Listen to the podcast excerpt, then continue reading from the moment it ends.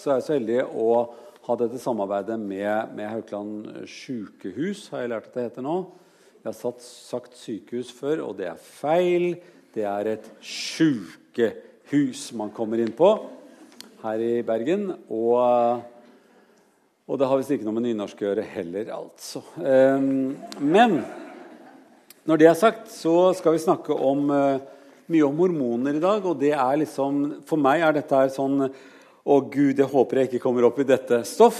Eh, så, men nå er det jeg som skal spørre, eh, og det er veldig veldig beroligende. Og jeg har med meg eh, Øystein Sverre Huseby. Hjertelig velkommen.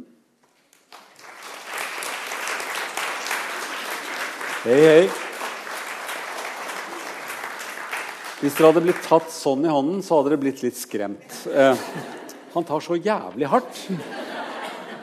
Eh, og fyller på med mann, vann med en gang. Det er veldig riktig. Vi skal snakke mye om dette her at kroppen lekker vann. Og har hormoner for å holde det tilbake. ikke sant, Øystein? Ja, håper det ikke blir for mye lekkasje. Sier du det? Nei, men det er jo hvis, man drikker eh, alkohol, så lekker det mer, gjør det ikke det? Jo da. Ja, Da har jeg fått med meg det. Eh, og hvis man drikker kaffe, så lekker det mer. Ja, det, ja. det jo blir jo gjerne mye kaffe også, da, sånn at eh, det hjelper jo. Hvis man drikker mye, så må det ut igjen. Men ja. Eh, stoffer i kaffen og alkohol gjør at du tisser litt mer. Så. Ja, det, Men det, hold, det, det, holder tilbake et hormon som da ja. gjør at du holder tilbake Du tenker på antidiuretisk hormon? Ja! det lager litt mindre av det, sånn at da lekker man mer? Mm. Ja, det er et veldig artig hormon, for det binder seg til nyrene og regulerer vannporer i nyrene. Så det er porer som åpner opp for at vann skal gå tilbake. Men er det sånn som med, eh, med eh, det, det, det, hullet vi prøver å holde mest mulig tett i kroppen, mm. altså det som fører bæsjen ut i verden. Mm.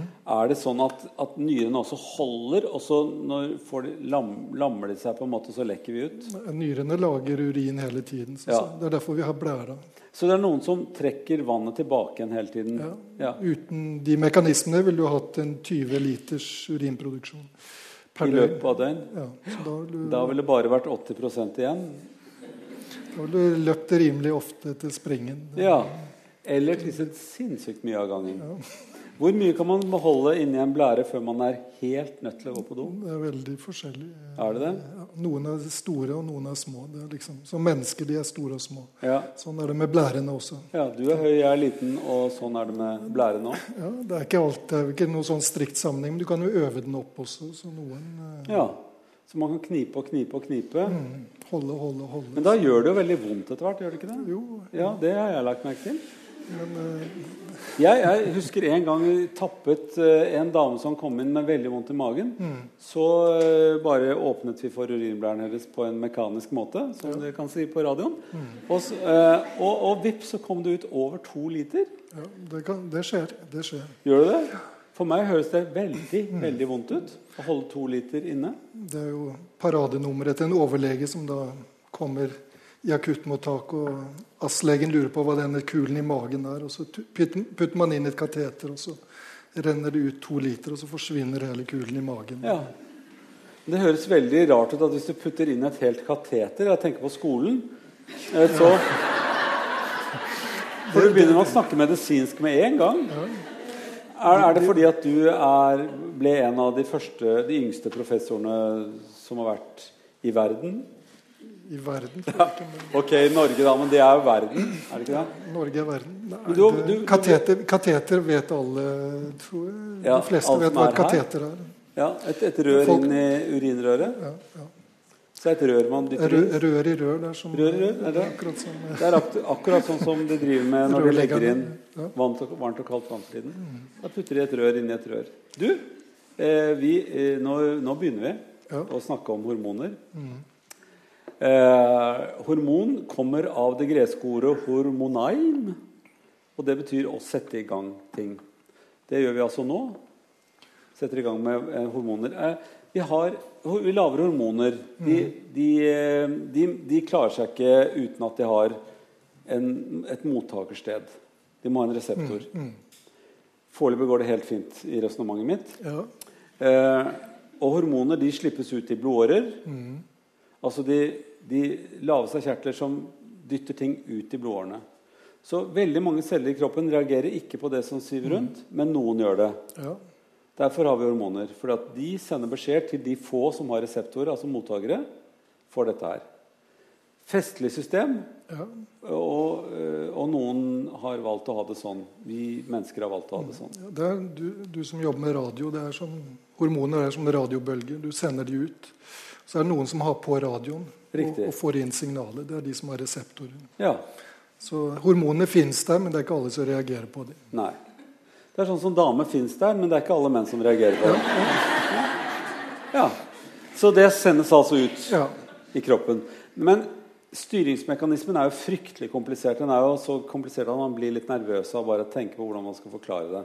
For at du har liksom, Hjernen har jo nerver, og det er forståelig for alle, selv om det ikke er forståelig i det hele tatt. Altså Vi har nerver som går ut, og så sendes det signal. Betyr pip, her kommer det en signal, og så gjør den som får det signalet, det den får signal om. For den går direkte dit. Men hormoner svømmer jo ut fra disse rare kjertlene som er plassert veldig forskjellige steder.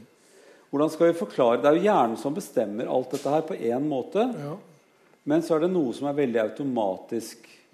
Ved at deler av hjernen er jo ganske gammeldags og veldig automatisk. Og, og der er det vel hormonene i første rekke jobber. For at den moderne delen av hjernen, den som er mest tenkende, som finner på ting, den eh, har jo fryktelig mye følelser og fantasi og sånt nå. Og det ville jo ikke tatt seg ut hvis den skulle finne på La oss se hvordan det går med litt høyt blodtrykk, og så boff! Og så får man kjempehøyt blodtrykk. Ja, det var gøy. Liksom, man kan ikke ha et sånt hormonsystem. Du kan jo kanskje skremme på deg et høyt blodtrykk. Det er Ja. mulig, det også. Men eh, man har de, de basale mekanismene, pust og temperatur, det reguleres jo av de, det du kaller de gamle delene. Hjernestammen, eh, respirasjonen. eh, Den går jo av seg selv. Du trenger ikke å tenke på det. Nei. Det skjer automatisk. Ja, så er det høyere sentra. De, er- der, der tenker du selv, og da kan du påvirke hormonene med det også. Så, Ja, så, så hvis vi tar den andre enden av skalaen, da, dette er at de, de mest moderne som jeg sier, deler av hjernen, de som er mest sånn menneskeaktige, så, så har jo de fantasi og følelser. Kan hormoner på, altså det at man slipper ut hormoner i kroppen, påvirkes av følelser? ja, absolutt. Sier du det? Ja, så du kan se, se på hjernen som vår herre, på en måte. Så kan du Det påvirker da det øverste hormonorganet, det, det vi kaller hypotalamus. Det kan du si vi, nå sa du hypotalamus veldig fint og veldig raskt. hypotalamus. Ja, og hvor, hvor finner vi den? Den sit, hypotalamus sitter eh, litt midt mellom øynene, kan du si, Også noen centimeter innover. Så Den sitter i midtlinjen og ligger under hjernen, består av mange cellekjerner. Men er den, er den hvis jeg, kan forestille meg hvor toppen av nesa mi er. Er den midt mellom ørene mine også? Omtrent sånn. Omtrent litt bak, midt i tinningen og bak nesa. Ok. Så et lite område, men veldig viktig område. Der reguleres tørste, der reguleres sult, der reguleres temperatur. Så at hjernen sender mange signaler til hypotalamus, som igjen regulerer de viktigste hormonsystemene. Og hjernen får da beskjed fra andre steder i kroppen om at nå er det så varmt eller så kaldt. Ja, og hypotalamus får også beskjeder eh, Og, direkte til, til seg. Da. Så og det, så driver den og finner ut selv hvordan det skal være, og så, og så regulerer den det med hormoner. ja, hypotalamus lager jo egne hormoner. Du begynte med dette med vannlekkasjen og Ja. antidiuretisk hormon. Det er et hormon som lages i hypotalamus og skilles ut av nerveender eh, når kroppen da signaliserer Når, når hypotalamus merker at eh, blodet er litt for eh, tykt eller har Ja. litt for lite vann i seg, Ja.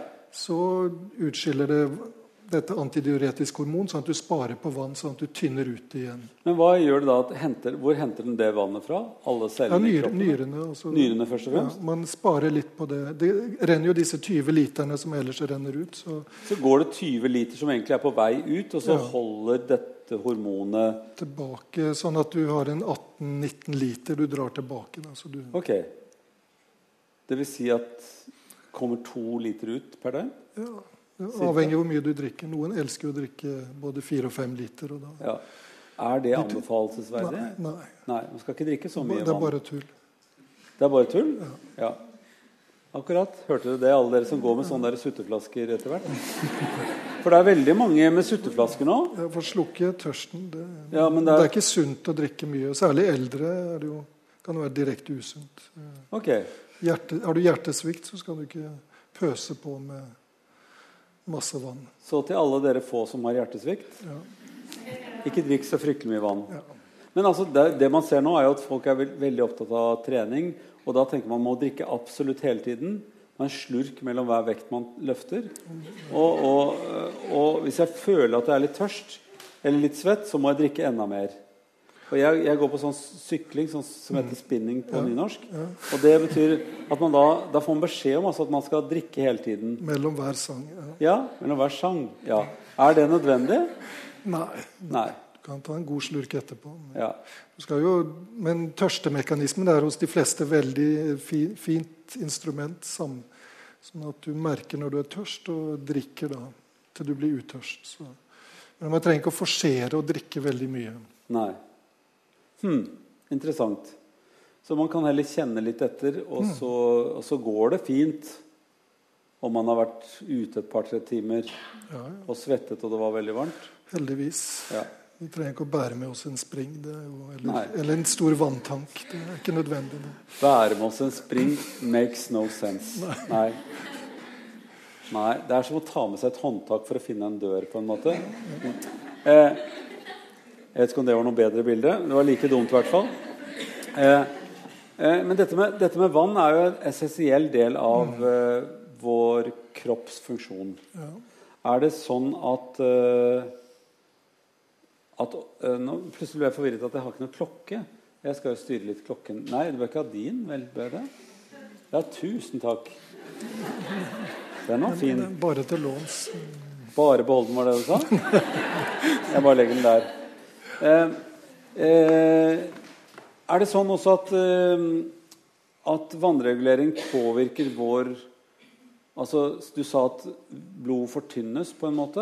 Å holde sånn passe vått eller mye vann i seg.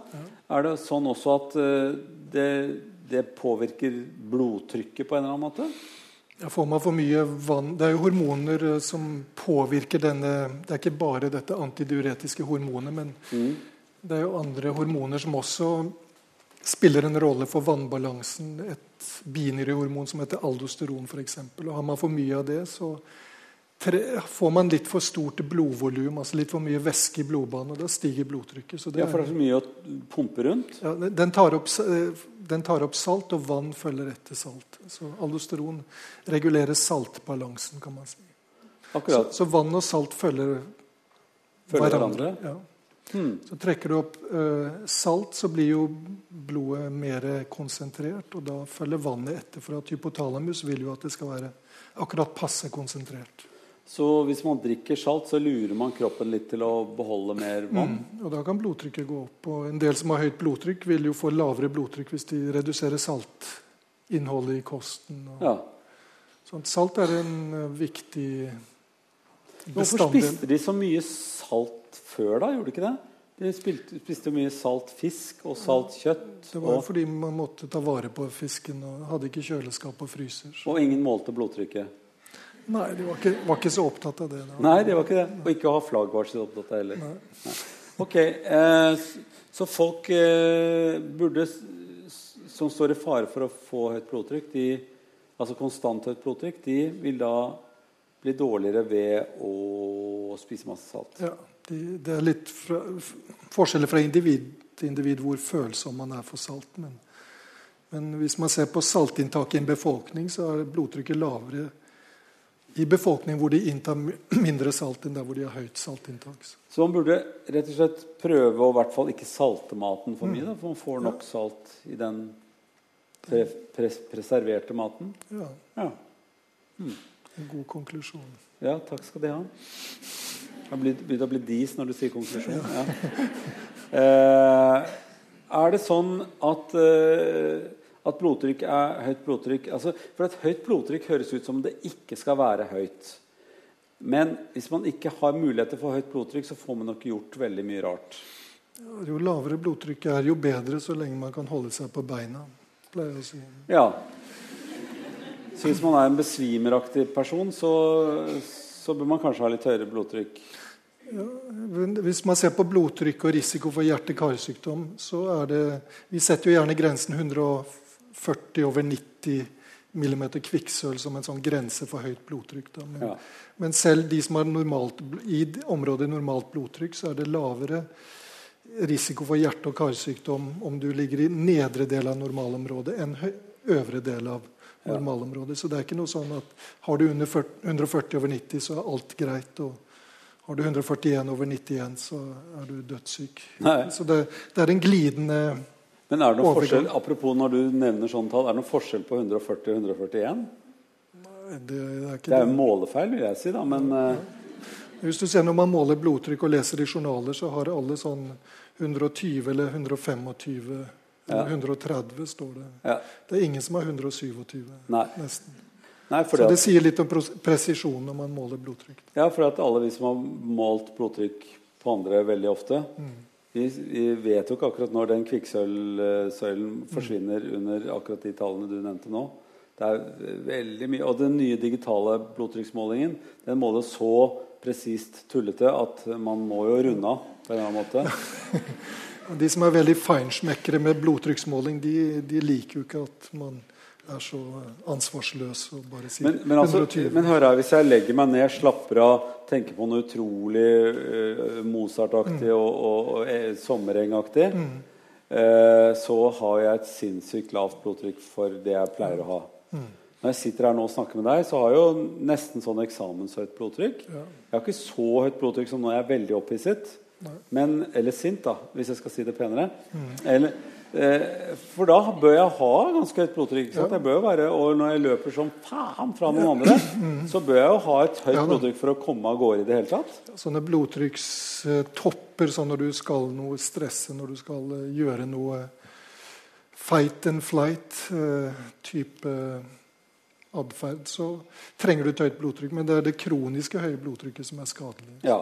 Så man trenger høyt blodtrykk. Ja, Bare for å ta bort det. Når folk er, har sex, f.eks., så har de jo ofte høyere blodtrykk enn de har når de ligger og hører på Mozart og, og tenker på en sommereng. Får vi håpe? Ja. ja? Jeg har hørt at det er noen som bare tenker på Mozart og en sommereng. skjønner du? Ja. Eh, og at de da ligger underst. Kanskje de tenker at de er sommerengen. Ja, det er det. Men eh, og at det er Mozart som ligger oppå. kanskje.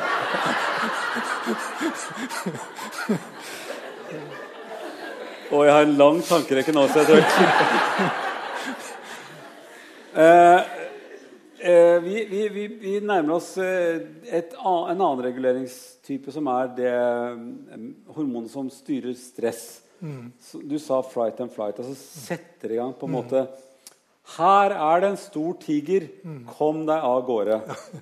Jeg, altså, bli livredd. Løp som du som om livet er, står i fare. Ja. Det er jo regulert i kroppen vår også. Ja, det, det- er et det, det, er liksom, det er den største brannalarmen vi har i Mm. hodet.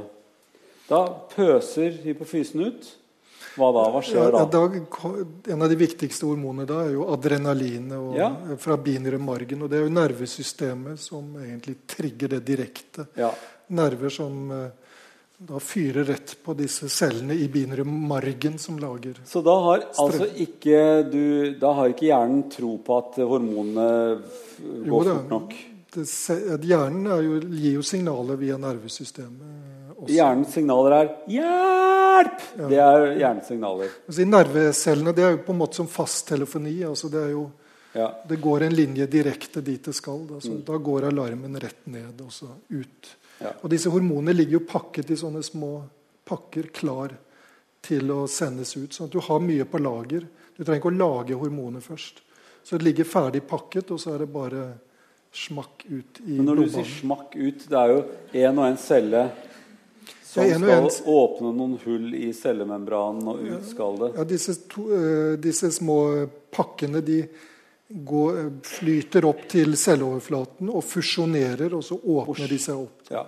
Så lekker det ut i, ja. i blodårene, mm. og så fyker det til de reseptorene Rundt om i muskulatur i karveggen, sånn at blodtrykket går opp. Eh, så trekker ja. da noen, eh, noen organer i kroppen trekker årene seg sammen. De trenger ikke så mye blod da, men muskulaturen, hvis du skal løpe fra denne tigeren, så trenger du masse blod i muskulaturen, og da får den mer ja, vi, vi, gidder ikke å fortære den maten nå, så bare stenger vi av tarmen. og sånt nå. Nyren og tarm. Og, ja, Så åpner vi for det andre. Mm. Og da stenger vi også av funksjoner i hjernen, gjør vi ikke det? Ja, man blir vel mer konsentrert på den tigeren og ja. mindre på Mozart. Ja. Og tenker ikke så mye på hva skjedde i min barndom. Jeg lurer på skal tenke på det. Kanskje akkurat når tigeren står der over ja, deg, så tar du en barndom. Så langtidshukommelsen går litt sakte. Eh, er det flere ting som settes ned i hjernen? Du blir jo veldig konsentrert. Så jeg vil tro at du eh, hørsel, syn At du blir veldig konsentrert på å løpe og eh, se etter eh, fluktveier. Ja. Så, så, hele kroppen blir innstilt når det er mm. Så blod. Så blodtilførselen til hjernen er nok omtrent den samme, men viss, den flytter seg da, til de viktige områdene, de du trenger i, det, i øyeblikkene.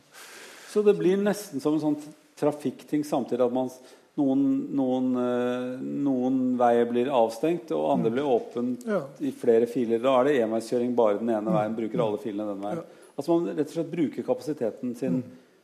alt det man kan, for å overleve. Ja. Den aller mildeste eh, formen for den type stress er jo som kan virke litt ufunksjonell, for man er ikke sikker du rekker å løpe fra den tigeren. Mm. Altså det, sånn er det også med, med, når man skal opp til en eksamen eller det skal mm. skje noe. Alle har liksom kjent hvordan stress og nervøsitet mm. virkelig kan toppe seg. Mm. At man blir Det virker ikke som om kroppen helt fungerer som den skal. Du tenker på å spille død? Hva? Spille død. Nei, jeg tenker ikke Man legger seg ned til eksamen og spiller død. Nei, jeg, jeg tenkte egentlig på at uh, veldig mange som skal opp til eksamen, og sånt, og de blir jo veldig nervøse. De syns det er veldig ufunksjonelt at, man, at hjertet går fort. Eller at man blir litt andpusten, eller at man nesten blir sånn at man må kaste opp. Mm. Altså det, er, det, er, ufunksjonelt å være veldig stressa. Mm. Ja. Over tid så er det jo skadelig å gå om kronisk stress. er jo skadelig. Men det som skjer, er jo at kroppen bare lager en kjempeforberedelse til mm. en kraftprestasjon. Ja. Men noen sånn rett før en eksamen, rett før et viktig løp for en idrettsmann eller -kvinne, så er det bra. Det skjerper en sikkert og gjør en klar og fokusert på den oppgaven. Så det er bra også. Det, det er, jeg har hørt at det er snakket om positiv stress og negativ stress. Mm. Men er det fordi at den kortvarige er bra, men den langvarige er slitende? Eller? poenget er at eh, så lenge stress går over, eh, om det tar minutter eller noen timer eller eh, hvis du har perioder hvor du ikke er stresset innimellom, sånn at du får restitusjon Restitusjonen er jo viktig. Men hvis det er et sånn dag og natt over lang tid stress, så er det usunt. Så det hvis du hvis hele tiden har det Kroppen har deg i en sånn konstant alert, eller altså mm. du er på tuppa av deg sjøl, mm. så kan det tære på kroppen? Ja, det vil jeg tro. Det, krigssituasjonen er jo i et, kanskje et, et, et, sånt scenario for hvordan kronisk stress over lang tid kan ja. Så da påvirker det kanskje mm. kroppen din over veldig lang tid? Ja, ja. Blir, eh, blir, kroppen sliten av å være stressa sånn? Ja, slit, var, var slit, Jeg blir nok sliten, ja. ja. Men, uh, hva, får lyst, hva, får kroppen lyst til når den er sliten? Da? Doktor? Å hvile. Ja. Men hvis man ser på rekrutter f.eks. til militæret, til jegerskolen og, så En av responsene hos menn da, er jo at testosteronene faller veldig ja. Brått da, i en sånn akutt stressituasjon. Så når rekruttene kommer inn, så går testosteronet ned. Men når man begynner da etter hvert å føle seg litt hjemme, man ser at man er ikke død første dagen, man overlever. og og det går kanskje an, kanskje jeg klarer dette her, så, så klatrer det tilbake. Da kommer jo den fasen hvor man, hvor man da er det, Kan man si at kroppen liksom setter, det, setter det litt på vent? Setter andre funksjoner litt på vent? Ja, man eh, stålsetter seg da, for en katastrofe også når man ja. klarer seg. så... Det er, jo, det er jo en fin funksjon at ikke det første man tenker på når det begynner å krige, er sex. Ja. Ja. Fint. Så kroppen er liksom en Det er sånn It makes sense. Det er fornuft over kroppen også. Ja. Den legger det litt på siden. I høyeste grad. Ja. La oss sette det på siden. Det, så, eh, eh, det går an å si at stress er bra hvis det er litt kortvarig Mm. måte, mobilisering. Så er stress veldig slitende for kroppen Mm. hvis man ikke klarer å, å restituere seg eller komme seg igjen etter en sånn Ja. Ja. Så det å kjenne etter, og, og det kan være en fin funksjon. Er det, er det, mm, hva, er det noe som kan gå ordentlig galt i det derre stresshormonkretsløpet? Vi, det, vi er jo opptatt av å finne de hvor det går galt. Eh, Ja. Vi, vi jobber jo med er det, er det for mye eller er det for lite. Det er jo det vi driver med Ja. hver dag. For mye hormon og for lite. fortell om de som har for mye, og de som har for lite av sånn stresshormon. Hva skjer med dem? Ja, vi jobber ikke så mye med mm, adrenalin, men kortisol er jo et annet stresshormon. Så vi er veldig Ja. opptatt av de som har for mye kortisol, og de som har for lite Ja, kortisol laves av kroppen selv. Ja, i Men det laves også uh, kremer som heter kortis, hydrokortisonkrem. Ja, ja. det er kroppens eget hormon. Ja, men det vi lager selv, det er ikke å få kjøpt. Men uh, det de lager syntetisk, det får man på apoteket i form av sånn salve som man kan ta på eksem og sånt nå. Ja, Så er det samme stoffet. ja da. Interessant. Men du bare har det ikke intravenøst. Jo da, det fins intravenøst. Ja, men det kan jo ikke vi putte inn i og på, på apoteket så sier du ikke 'ta dette her og gni det inn i årene'. Nei, Så du får ikke tak i det stoffet. Det stresstoffet. Nei, nei. Nei. Men du får bort eh, eksemet hvis du, er, eh, hvis du får det på resept. Får det uten resept. Ja. Da bør man ikke bruke det så mye. Bør man det? Det er et ganske mildt, eh, mild kortison. Ja. Men, men de som ikke har kortisol, da, det, Ja. da får man jo illustrert hvordan en kropp fungerer når den ikke kan stresse ordentlig. Ja. Hvordan ser de ut, de som ikke lager de blir gjerne de blir trøtt og slitne, og de tåler veldig dårlig stress. Da, og eh, kan rett og slett dø av for kraftig stress Ja, hvis de ikke får behandling. Fordi de har ikke mobiliseringsmuligheter. Nei, De klarer ikke å mobilisere for en stressituasjon. De har gjerne lavt blodtrykk, og, og de får forstyrrelser av saltene i blodet også. Natrium og kalium går, går hver sin vei. Og, Hva vil du si til alle disse som da hører det du sier nå, eh, og som tenker 'Å ja, jeg er også ganske sliten og slapp'. Eh, hvordan skal man vite om man mangler sånne stresshormoner? ja, det, det, er mange, det, er noe, det er mye sånne diffuse symptomer, men mange av de blir veldig brune i huden, da, de som eh, mangler kortisol, i hvert fall. Så så de det- blir un, unormalt brun. Så hvis Ja. du er veldig trøtt og sliten, og alle sier 'Har du vært i Syden nå igjen?' Ja, Og du ikke, og du ikke har vært og, der ja det var et poeng, ja. Og det kanskje er midt på vinteren. Så, ja men for det, så sliten og trett og veldig brun, det kan jo være å ha vært på fylla i Syden. Ja. Men du går an, til verks på en annen måte. Altså de som har vært inne, egentlig ikke drevet med noe, men begynner å bli litt brun på en unaturlig måte i huden, så vil du si ah, det der er ikke noe god kombinasjon. Det er litt sånn artig fysiologisk eh, prinsipp. og Det har med hypofysen å gjøre, som lager et hormon som vi kaller ACTH, eh, som er en forkortelse. Men det stimulerer binyrebarken til å lage kortisol. Når det er for lite kortisol, så kjenner hypofysen av at her mangler det kortisol. For det er ikke nok som kommer tilbake. Og Da begynner den å lage mer og mer og mer. Men det samme hormonet eller det hormonet som blir til ACTH, blir også til et annet hormon som stimulerer pigmentcellene i huden. Ja. Så når du lager veldig mye ACTH, så stimulerer du også pigmentdannelsen i Mm. huden. Så da har vi et, et tegn vi kan gå etter. Da, til å Mm. kan du si, se disse her i mengden. Så det er en, en, en rar eh, bivirkning av en funksjon som, som hypofysen egentlig har. Ja, ja, den prøver å sparke i gang denne binyren som Ja. ikke fungerer. Så fungerer ikke binyen. Og det er en sykdom. Ja, det er en sykdom. Som Er er, som er ganske sjelden. Altså, men vi, eh, er- Hørte vi er, dere det, vi alle sammen? Den er ganske sjelden. Men Så alle dere som syns dere begynner å bli litt brun nå og er litt slitne ja. Men, uh, Vi, vi liker å snakke mye om det, da. Ja, ja. men det, det, for kommer er litt ut, flink på akkurat det. ja, det kommer litt ut av Ja, proporsjonen. litt beskjeden. Ja, det er fint. Du jobber, du jobber med folk som de blir friske av å få kortisol. Ja, de blir, mange blir eh, veldig bra igjen, omtrent normale. Men mange blir ikke helt normale. og det, det er en av de tingene vi forsker en del på. Hvordan gi hormonet tilbake på en naturlig måte. Eller sånn som kroppen gjør det selv. Ja. Det er faktisk ganske vanskelig å etterligne kroppens fine regulering. Da.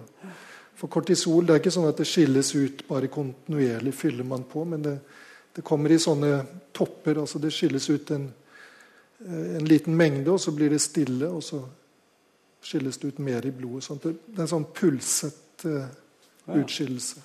Sånn er mange hormonsystemer regulert. Hormonene kommer ikke kontinuerlig ut i blodet, men det er i pulser. Mm. Sånn at Er det generelt det er generelt for de aller fleste hormonene. at de sender ut en pakke, som du sa, Ja. og så venter man på å se hva skjer med den, Mm. og sender man en pakke til, og så venter kroppen på å se hva som får av tilbakemelding, og så før de eventuelt sender en pakke til, og Mm. sier de nå er det nok og sender ikke en pakke på en stund. Og noe, noe reguleres av døgnrytme, f.eks. Veksthormon. Det utskilles bare om natten. I, når du sover, Du vokser når du sover, mens veksthormon er det veldig lite av i blodet på dagtid. Mm.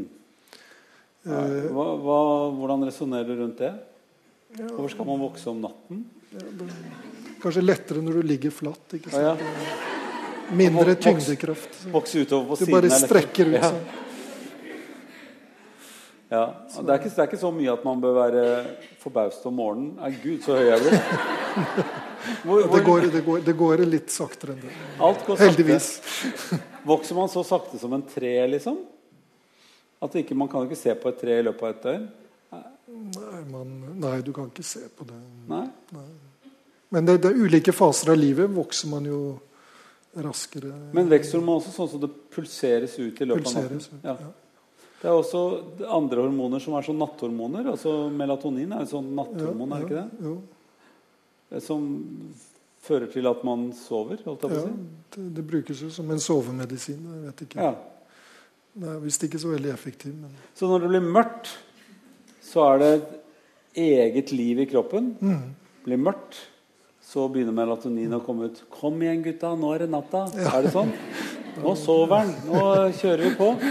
Nå vokser vi litt av dere. Sånn, det, er, det er da de gjør det. Om natten. er Vokser og sover. Er det noe annet vi gjør om natten som vi ikke vet om? ja, vi rydder vel opp. Sånn det, Bergen sentrum på nattestid. De Å, går rundt og koster og ordner. Og, det det? etter alt som man har slengt. Så da er hele immunapparatet også Eller er det nede, da? Eller er det bare det, det passer vel på hele tiden. Men eh, det er vel, søvn er jo veldig viktig for, re, altså for å komme seg. Man trenger å sove Man godt. fyller hyllene i alle butikkene på Ja, en måte? rydder opp og koster og Ja. ordner opp til neste dag. vet du. Ja, det er, flott. det er flott å tenke på at det gjør de jo når jeg sover. Ja, Trenger ikke å tenke på det engang. Nei, det er veldig fint. Nei, det hadde vært Kan veldig bare drømme om Mozart. på. Og, Altså, er det noe annet man gjør om natten med, på hormonsiden? Eller er det melatonin og dette her eh, ja, denne, det kortos, kortisolet som vi er så glad i, det, det er jo lavest når du legger deg til å sove. Så begynner, en del, de våkner jo Det er som avisbudet. De er ute før du våkner. sånn at Ja. eh, kortisol begynner å stige to-tre-tiden på morgenen. Eh, så mange hormoner begynner tidlig. altså De begynner arbeidsdagen veldig tidlig. Det var veldig tidlig. To om natten. Ja, Jeg var så vidt sovnet. Men altså, da blir man slappere og slappere. Eller er det bare en kort periode som er natta? Ja, Kortisol er jo, følger veldig denne døgnrytmen. så Det er lavt på kvelden, lavest når du sovner, og så begynner det å stige på natten, og høyest når du våkner opp om morgenen. da. Så hva er det som er best å gjøre når man er kortisolpåvirket?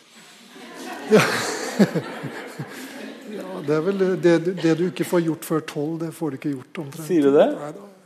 Noen jobber jo bra på kvelden også, men det er vel litt individuelt. Så. Jeg er veldig dårlig om morgenen, altså.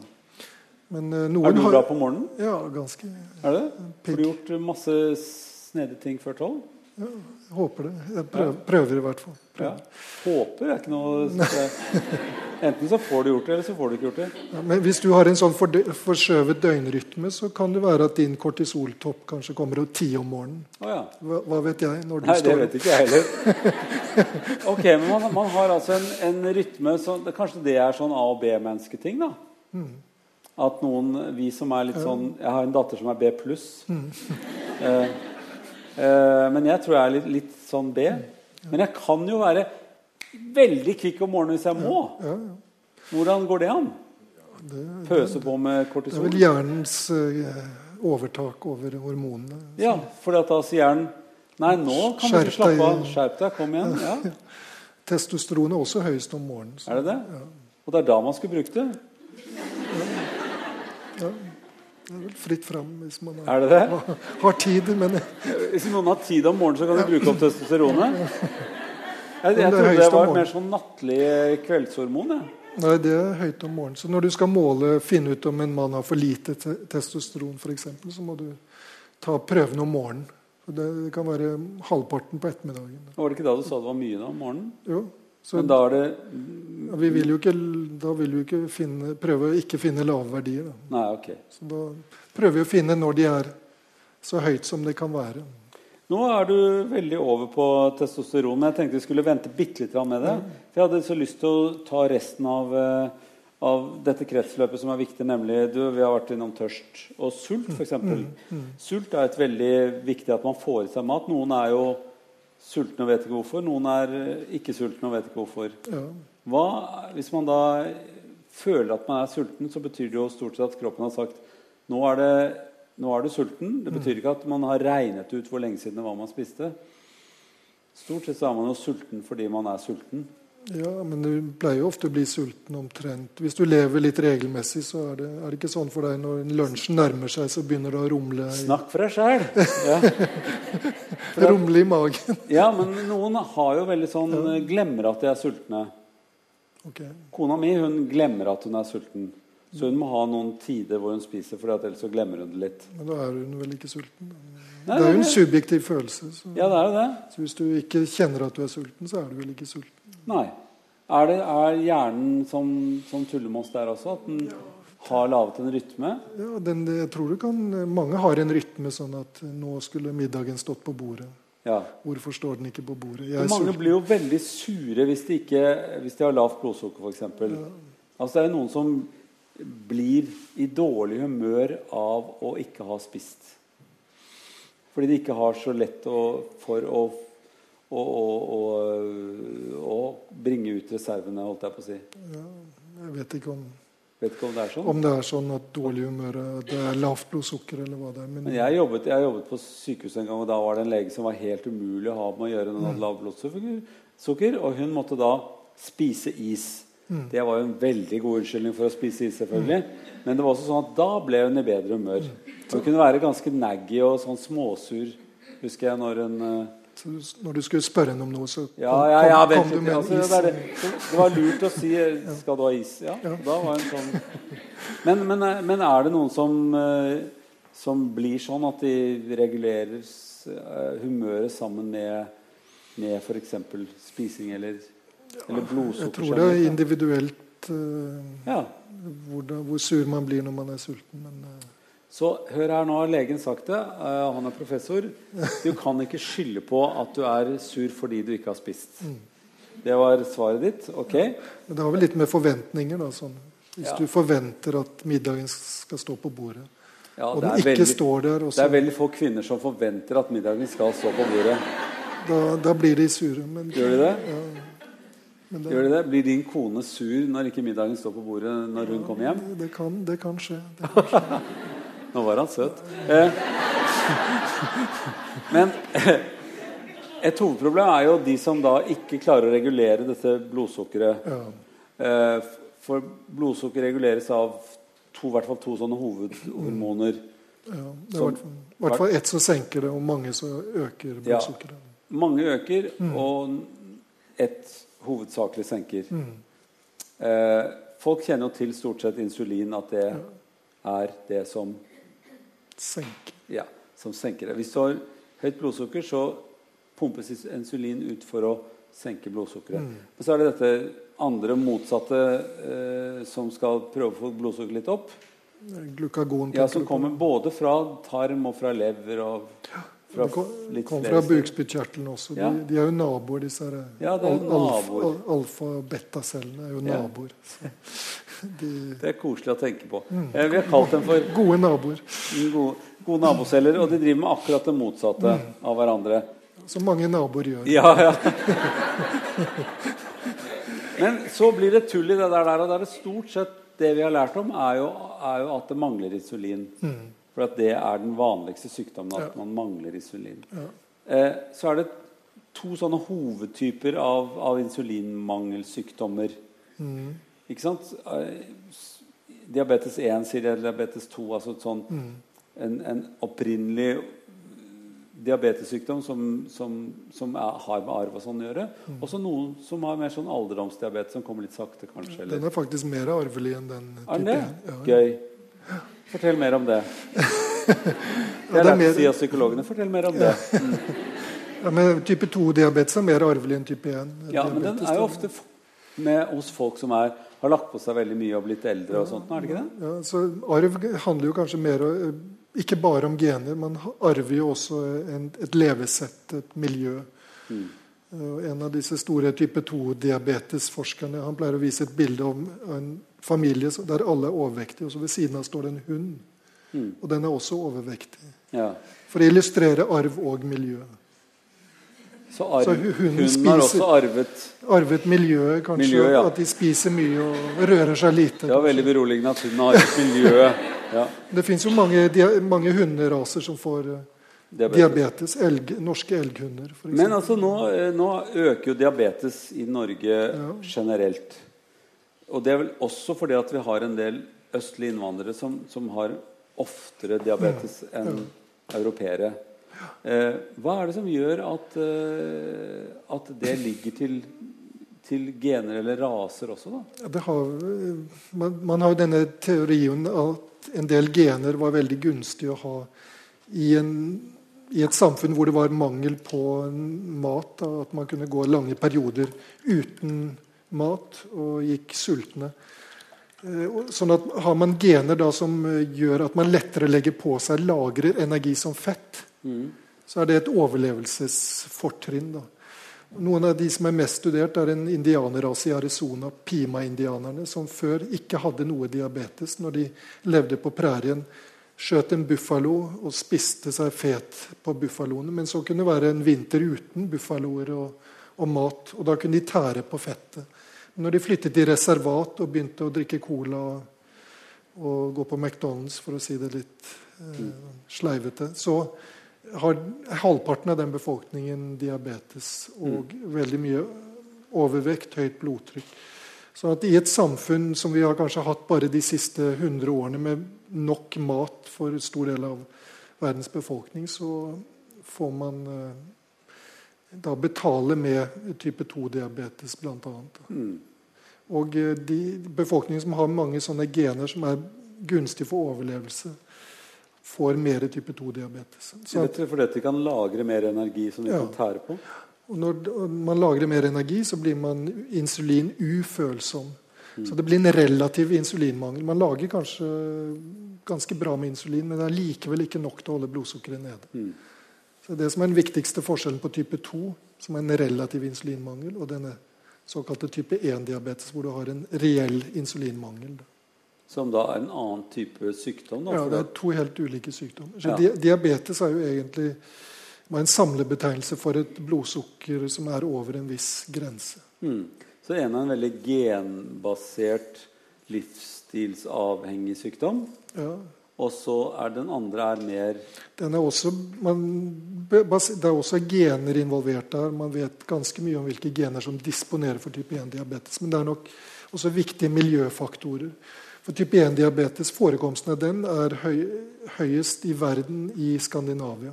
Mm. Finland ligger på topp, og Norge og Sverige og Danmark følger etter. Men det har økt mye de siste 20-30 årene, så har forekomsten doblet seg av type 1-diabetes. Og, og det, skyldes da, det, skyldes ikke at genene i befolkningen har endret seg, men at miljø, det er miljøfaktorer som, som, vi ikke vet så mye om. Mm. Det kan være ting i kosten, det kan være virusinfeksjon. Men, men, type 1 som vi snakker om, det er jo mm. veldig ofte eh, en diabetessykdom som, som, kan starte i ung alder. Ja. Mens type 2 ofte starter litt lenger ut i livet. Ja, det, det stemmer. Så denne type 1 eh, som barn kan oppdage hvordan, hvordan, For det, man, det, er kanskje greit å vite om man har et barn som har en diabetessykdom eller ikke. Hvordan oppdages det? De har jo ofte de klassiske symptomene på høyt blodsukker. og Det er jo at man tisser mye. Eh, da klarer ikke nyrene å dra opp dette vannet som vi har vært inne på. For mm. når det er mye sukker i urinen, så drar det med seg vann ut. Altså de begynner å tisse mye fordi Sukkeret lekker ut i urinen, og så blir man tørst og, og drikker mye. Og så brenner kroppen fett for å prøve å lage sukker. For inni cellene, cellene sulter pga. insulinmangel. De får ikke sukker inn. Så sukkeret er i blodbanen og er høyt. Så da tærer man på en måte på fettet sitt? Så, ja, så De går ned i vekt, de er ja. tørst og de tisser mye. Men ofte så blir de diagnostisert veldig raskt, fordi dette kommer veldig det kommer nokså plutselig. Da. Så det blir et veldig sykt barn? Ja. De kan jo Så foreldrene sier at nå Jeg vet, vet ikke hva det er, men det virker veldig syk? Mm. Nå er det mange som vet en del om symptomene på diabetes. Er ganske, befolkningen er ganske velinformert. Så mange mm. kommer da til eh, Får diagnosen før de blir veldig syke. Men av og til må de legges akutt inn på sykehuset og få intensivbehandling. Mm. Eh, for de har en sånn syreforgiftning. Det hoper seg opp syrer i, i kroppen. Mm. Men man kan få type, det kanskje ikke alle vet, er at type 1-diabetes kan man få når man er 80 år gammel. også. Man kan få det hele livet. Ofte hos eldre kan det være litt mildere former. Det er ikke så stormende symptomer. Mm. Og det kan være vanskelig å skille type 1 og type 2-diabetes fra hverandre. Så diabetes er en mye mer komplisert sykdom enn det man vanligvis har hørt om? det er mange andre sykdommer som kan ha diabetes som en følgesymptom. Hvis man går tilbake til dette med kortisol igjen, så for mye kortisol kan jo gi diabetes. og da kan Den primære feilen være at man lager for mye kortisol i kroppen, og så får man bl.a. diabetes mm. av det. sånn at det er mange sykdommer som gir diabetes eh, som en følgetilstand. Ja. Eh, også. Så det er veldig mange årsaker til diabetes. Men vi har disse hovedtypene, type 1 og type 2. Og så har man også diabetes i svangerskapet, som er en egen diabetestype. Og egentlig et forvarsel på at man er, har risiko for type 2-diabetes senere i livet. Men det er noe som kan forsvinne Det forsvinner. Når barna er ute, så er diabetesen borte. Mm. Når barna er ute, så begynner noe helt annet, men da ja. forsvinner diabetesen? Heldigvis. Ja. Så, det kan være like greit. Men det er kroppens på en måte Når barnet vokser, blir man mer ufølsom for insulin. Og de som da er disponert for litt ufølsomhet, da kommer det, det kan du si, manifesterer det seg. Det kommer, symptomet kommer til syne. Mm. Ufølsomhet Du mener ikke i, sånn, i sjelelig betydning, ja, men du mente kroppslig betydning. Eh, en annen ting som, eh, som, nok noen voksne mennesker vet om, er at eh, vi har skjoldbruskkjertel. Ja, ja. Det er alltid så vanskelig å si og vanskelig å skrive. Mm. Det skal altså skrives med SKJ, hvis det er noen som lurte på det. Mm. Eh, denne, den, dette er en kjertel som ligger der hvor halsen og adaptseplet ligger i midten. Ja. Og, og, og, denne kjertelen eh, kan bli litt større. Og mm. da er det folk sier at det er, de har sett det er noe struma. Struma, ja. struma er veldig sånn folk kjenner til det ordet. Mm. mm. Struma. Hva er struma? Struma er stor kjertel. Det er stor kjertel, altså. Ja. Det er en litt sånn avansert måte å si at skjoldbruskkjertelen din er stor. Ja. Det er i hvert fall litt kortere. Men og struma, betyr det det? Betyr det stor kjertel? Ja, ja. Struma. Ja.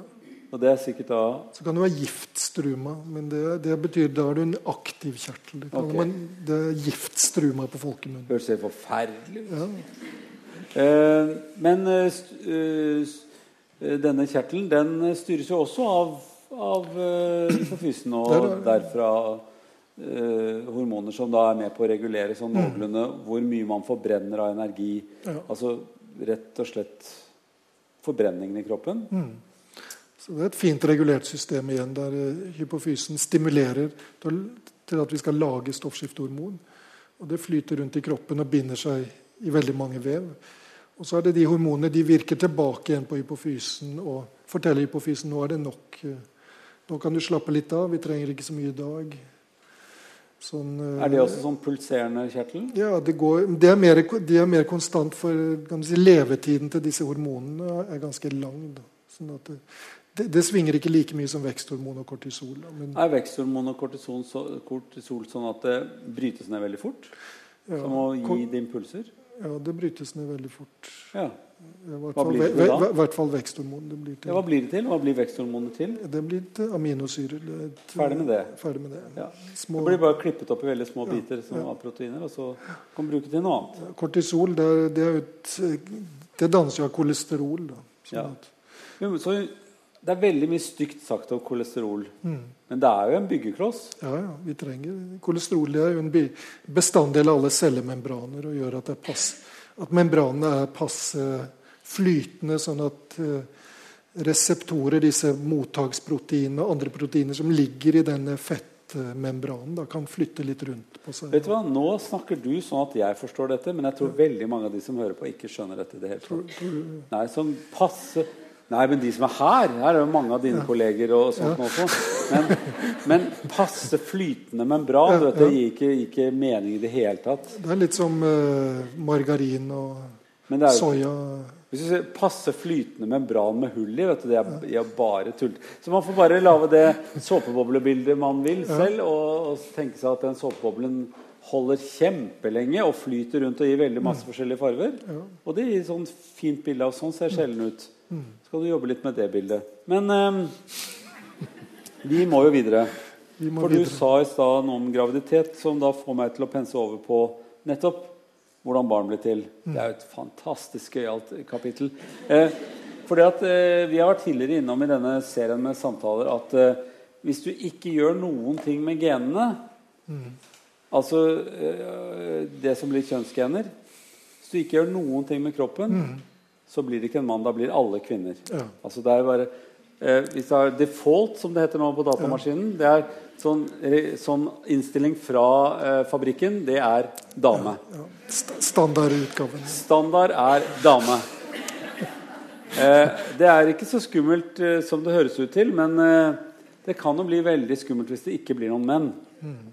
Så eh, la oss ta det, det vanligste. Det er å skulle produsere egg. altså som kan bli til et nytt barn. Mm. I den damen som produserer det egget. Ja, ja. Det er altså gammelmetoden. Man lager et egg i den damen mm. som skal ha det barnet. Jeg vet at det kan være forvirrende for noen som er veldig homofile, men det er, det er den gamle metoden. Det som da skjer, er jo at det reguleres av hormoner. Mm. Eh, er, det er jo helt alfabet av hormoner som holder på her. Og, og modne slippe ut, feste, lage muligheter for at det kan befruktes, eh, lave placenta hvis det skal det, stimulere til det, og placenta som stopper noen andre jo, Jeg gidder ikke å gå gjennom det, for det er, det er skriftlig eksamen. Men eh, det er, en veldig vanskelig oppgave. Eh, men la oss si det enkelt. Det, det er, kvinner er laget i utgangspunktet til å legge egg.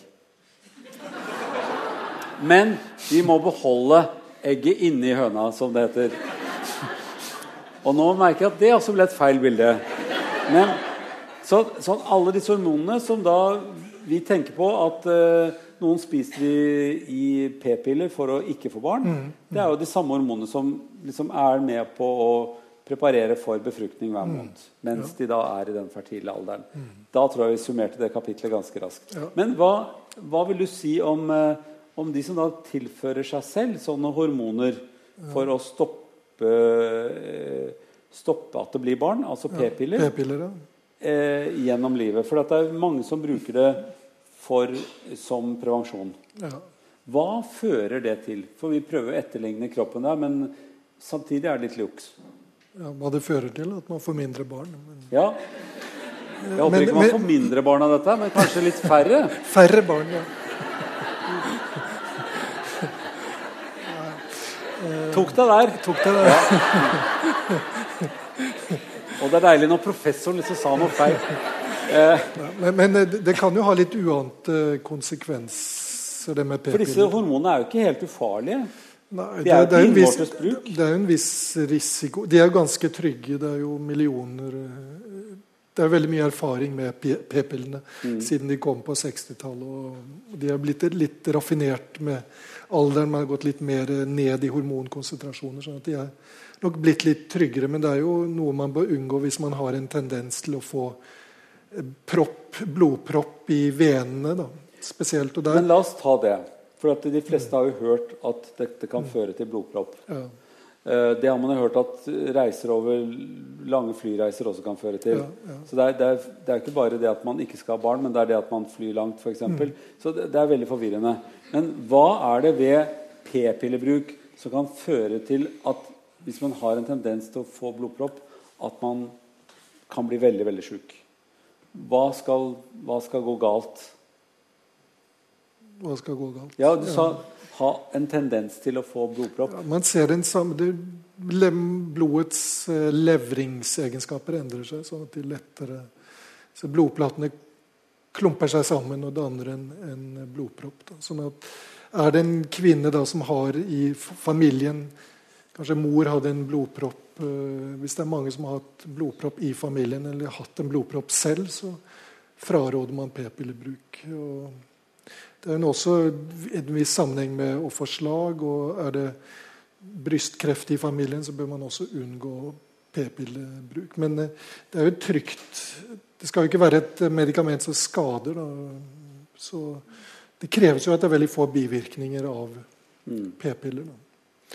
Men Hvordan vet man at man er i en sånn situasjon at man kanskje at, eh, at uh, bieffektene kan slå ut i at man blir syk? Ja, Man vet jo ikke det, så man tar jo en, på en måte en sjanse da, hvis man ikke vet om dette. Kanskje man har en sånn arvelig defekt som gir blodproppstendens. Da. da kan man jo få en blodpropp etter man har begynt på p-piller, men da bør man jo slutte.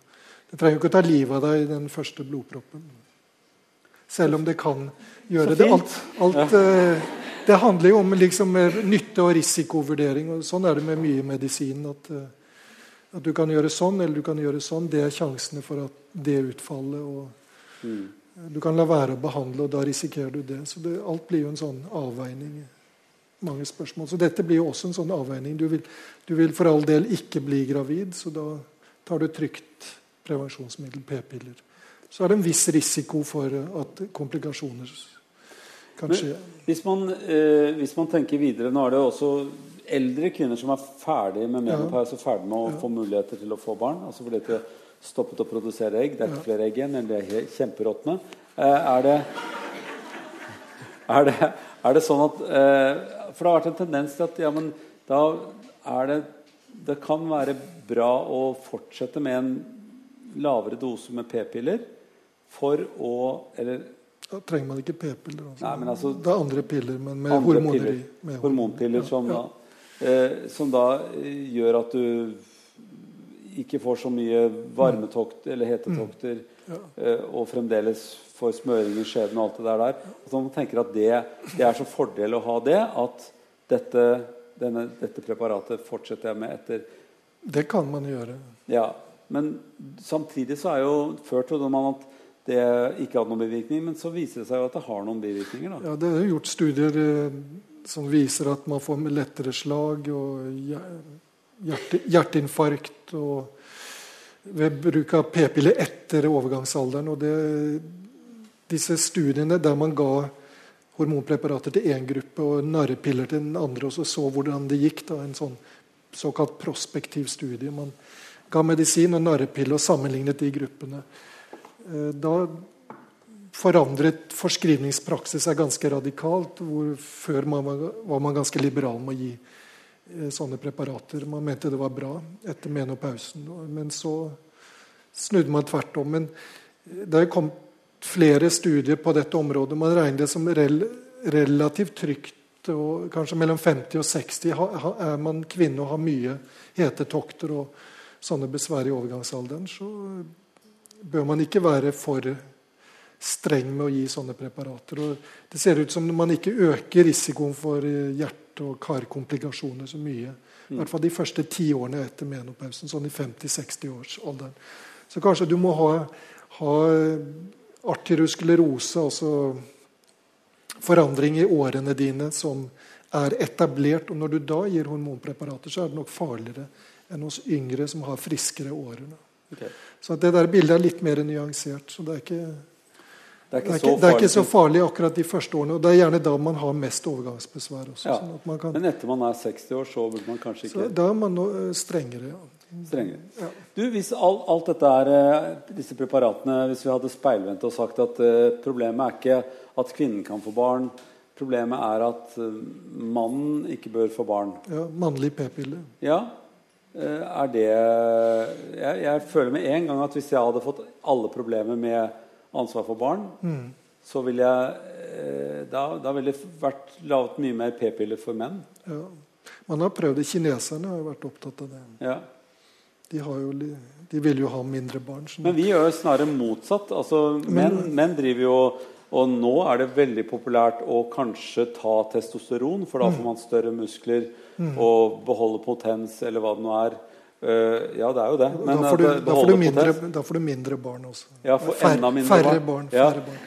Men, men men det, det er faktisk en mannlig p-pille, ja, på en måte. ja, på en måte er det det. For at i testiklene så dannes jo sædcellene De bades jo i, i en veldig høy eh, testosteronkonsentrasjon. For det lages altså Det er kortreist mat. Du har eh, testiklene med Mm. Det bildet var litt feil, merker jeg. Du merker deg selv. Kortreist mat, det var feil. Jeg sy- syns den var ganske god. Ja, for Ja, de- Disse Leidig-cellene, som de heter etter en Leidig som Ja. beskrev de, de lager testosteron like ved de cellene, Sertoli-cellene som lager eh, sædcellene. Så de får en sånn kjempedose med testosteron og, og hjelper da eh, sånn at de modnes frem og blir svømmedyktige sædceller. Men Ja. hvis du da setter en testosteronsprøyte i muskulaturen, så får hypofysen din vite at eh, nå er det nok i systemet. Så da skrur den av eh, stimuleringene, skrur av testiklene, Ja. så de blir små og myke. Jeg tror skru av testiklene var også en litt feil bilde. Men eh, det er som å skifte lyspære, på en måte. Det er, som, det er nesten som at lyset går. Altså. Ja, ok. Men, eh, men, men det jo, samtidig så er det og Dette er jo litt sånn skummelt, for at eh, dette er jo eh, en sånn tendens hos unge menn som tenker jeg kommer ikke til å få nok muskler til å se attraktiv ut, så jeg må bole meg. altså jeg må Anabole steroider er jo en, et, et, et preparat som ligner på testosteron og fungerer sånn i kroppen. Men da, da driver man jo på en måte og slår av testiklene eh, på sikt. Ja. Får litt mer muskler på kort sikt. På lang sikt får man ikke noe særlig mer muskler, men eh, man får det på kort sikt. Ja, du kan få mye mer. Altså, du kan, Mye mer på kort sikt. Eh, muskler, altså. Og så slår man litt av, eh, av eh, spermefunksjonen. ja. Det, det var ikke meningen, tror jeg, eh, med å bole seg. Det kan jo være en fordel når de kanskje også blir litt sånn aggressive og, og Aggressive, og, eh, aggressive eh, seksuelt eh, frustrerte menn. Ja. eh, farlig cocktail. er farlig cocktail, ja. Er det? Sende dem ut i krigen isteden, tenker jeg. Ja. Hvor det ikke er noen damer. Men eh, ja, for det er, jo en skummel kombinasjon. Men samtidig så er det liksom en tendens. Det er, liksom, det er nesten som det er Du kalte det for mennenes anoreksi. altså Det er en, en tendens som nå er en slags sykdom blant unge menn. Det er ganske vanlig i befolkningen, kanskje. Det er ganske mange som har prøvd anabole steroider. Eh, kanskje 5 opptil 5% av eh, menn, i hvert fall. Er det det? Men når jeg ikke kjenner noen, så er det mange, da. Ja. Det er jo særlig yngre menn, da 18 til eh, 30-årsalderen. Og det er jo mye i det, disse helsestudio eh, kroppsbyggemiljøene er det jo veldig utbredt. Så det er jo eh, veldig skadelig ja.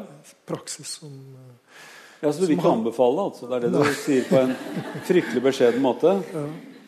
Det er jo sånn som det er jo, ja, men, eh, men hvem er det som driver dette framover, da, tror du? Det er vel denne, denne skjønnhetsidealet som eh, driver mye rundt i samfunnet. Men hos menn så er det muskelbygging. Så det er vel eh, Muskelbygging hos menn og rare lepper hos kvinner og implantater hos både menn og kvinner. Ja, jo, det er omtrent Ja, det er vel samme to sider av ja, minst, minst, to sider. Av samme sak. For en, for en rar verden. Eh, eh, bør vi eh, Bør vi si noe om hva som holder testosteron naturlig oppe? Ja, eh, det er jo å holde seg mm, slank, f.eks. Overvektig av lavere testosteron. Mm -hmm. Hvis du ser på de som eh, laster inn bagasjen din på Flesland i flyet og de hiver på disse koffertene hver dag, de har høyere testosteron enn de som sitter og sliter ved en eh, kontorpult og ikke rører seg så mye. Så. Ok, så, så en liten ungdomstid med bagasjelasting, det er mye bedre? ja, det kan anbefales. Ja. Hvis du har god rygg. Så. God rygg, eh, ja, men det må man jo få da, ved å ja. laste bagasje. Ja. Så det istedenfor anabole steroider kunne være kanskje en fin ting? Tror. Andre tunge ting man kan løfte på? Ja Hagearbeid, jeg vet ikke hva ja, Barnearbeid? Jeg ville anbefalt folk å jobbe i barnehage, f.eks. Der er det ganske mye å drive med. Eh, så å etterligne barn, eh, det er rimelig tungt arbeid. Men, altså, men burde heller gjøre sånne ting. Da, drive med sport og ha jobb som krever en del av den muskelmassen de har fått fra ja. genetikken? Ja. ja. For menn har mer muskelmasse enn kvinner. Ja. Hva har kvinner mer av da enn menn? Jeg håper ikke det er noe i hjernen. lurer jeg stadig på. Du, eh, helt til slutt, Kan ikke du fortelle meg det feteste innen forskning? Ikke altså fett, men det, det er virkelig det ypperste i forskning. Hva er det de driver med på ditt område? Lager de noen hormoner som vi kan si 'jippi, det kommer'? Ja, det, det, er mye spennende som foregår. Nei, ikke si det sånn. Nei, det, er okay, det er så kjedelig. Okay. Det kan vi snakke om senere. Ja, det er mye spennende som skjer. det kan vi snakke om senere. Nei, hva, er det, hva, er det som, hva vil du si dette her er så gøy i mitt fag? Det som jeg syns er gøy nå for tiden, det, som, det, er jo at man er litt mer opptatt av disse rytmene i hormonene. og når, Vanligvis når vi tar blodprøver, så tar vi én blodprøve på morgenen, kanskje en på kvelden. Du får et veldig statisk bilde, men nå kommer det mer og mer undersøkelser om virkelig hvordan eh, hormonene svinger, og betydningen av det. Mm. Og Det tror jeg får en veldig stor betydning for hvordan vi kan gi hormoner i fremtiden. Avanserte pumper uh, som uh, man kan feste rett på huden, ikke trenger slanger. sånn at vi kan, tror vi kan se en revolusjon i måten man, man gir hormoner på, ikke bare som tabletter, men med, man har jo litt av det f.eks. østrogenplaster, plasterbehandling eller avanserte pumper. Så da at hormonene går rett og slett gjennom huden? altså man ja. setter på et plaster, Sånn som mm. nikotinplaster eller ja. andre ting som ja. folk kanskje har sett? Og Innen diabetesfeltet så jobber man jo med en, en kunstig pankreas. altså en, en, en mekanisk pankreas. Altså ja, dels en pumpe, og, men samtidig som at denne pumpen kan kjenne av blodsukkeret og regulere hvor mye insulin som skal gis. Mm. Sånn at man, eh, og det tror jeg vil bety enormt for diabetesbehandlingen. Ja, sånn at man blir bedre regulert og dermed ja, mindre, mindre komplikasjoner. Ja, flott.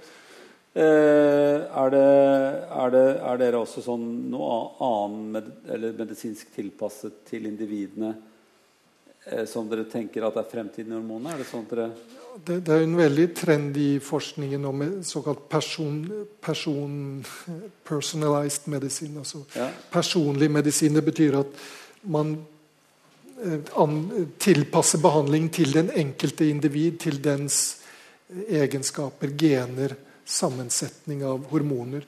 Så man kan jo tenke seg fremtiden istedenfor at du går på apoteket og får én tablett med en fast dose, så så kan du nærmest gå akkurat som en fargehandel, at du vil ha litt av det, litt av det og litt av det. Så lager fargehandleren eh, slash apotekeren en tablett som er akkurat tilpasset ditt behov. Da. Så Vi får nok mer av det i fremtiden, hvor vi kan ja, undersøke og tilpasse behandlingen til den enkelte person. Og få en bedre behandling. Eh, allerede nå så spiser jo folk altfor mye tabletter. Tror du at det blir mindre av det i fremtiden? At det blir bare håper å si én tablett per person? Det er vel kanskje et stykke dit. Men jeg tror kanskje man kan finne kombinasjoner. Dette Ja, men jeg kan jo gå i et fargehandel og få akkurat den fargen jeg vil. Kunne jeg gå på et apotek og så få akkurat de medisinene jeg trenger i, med 3D-printer inni en dings. Flott. I et plaster som jeg har under huden. Eh, under, under forhuden, holdt jeg på å si. Men altså, jeg mente bare har på huden. Det er jo flott. Står det Trond-Viggo på plasteret, og så bare limer jeg den på. Der har du ditt plaster. Ja, og det hadde vært veldig fint. Eh, I den grad man trenger medisiner. Eh, I den grad man ikke trenger medisiner, så har du lært oss at eh, det meste går av seg selv nå. Ja. Vi har brukt én time på det omtrent. Det var veldig fint. Vi har absolutt ikke skjønt noen ting, men vi har lært fryktelig mye. Det er vel eh, det man kan si om medisin generelt. Man lærer veldig mye og skjønner absolutt ingenting. Og takk for at du hjalp oss med det. Takk skal du ha.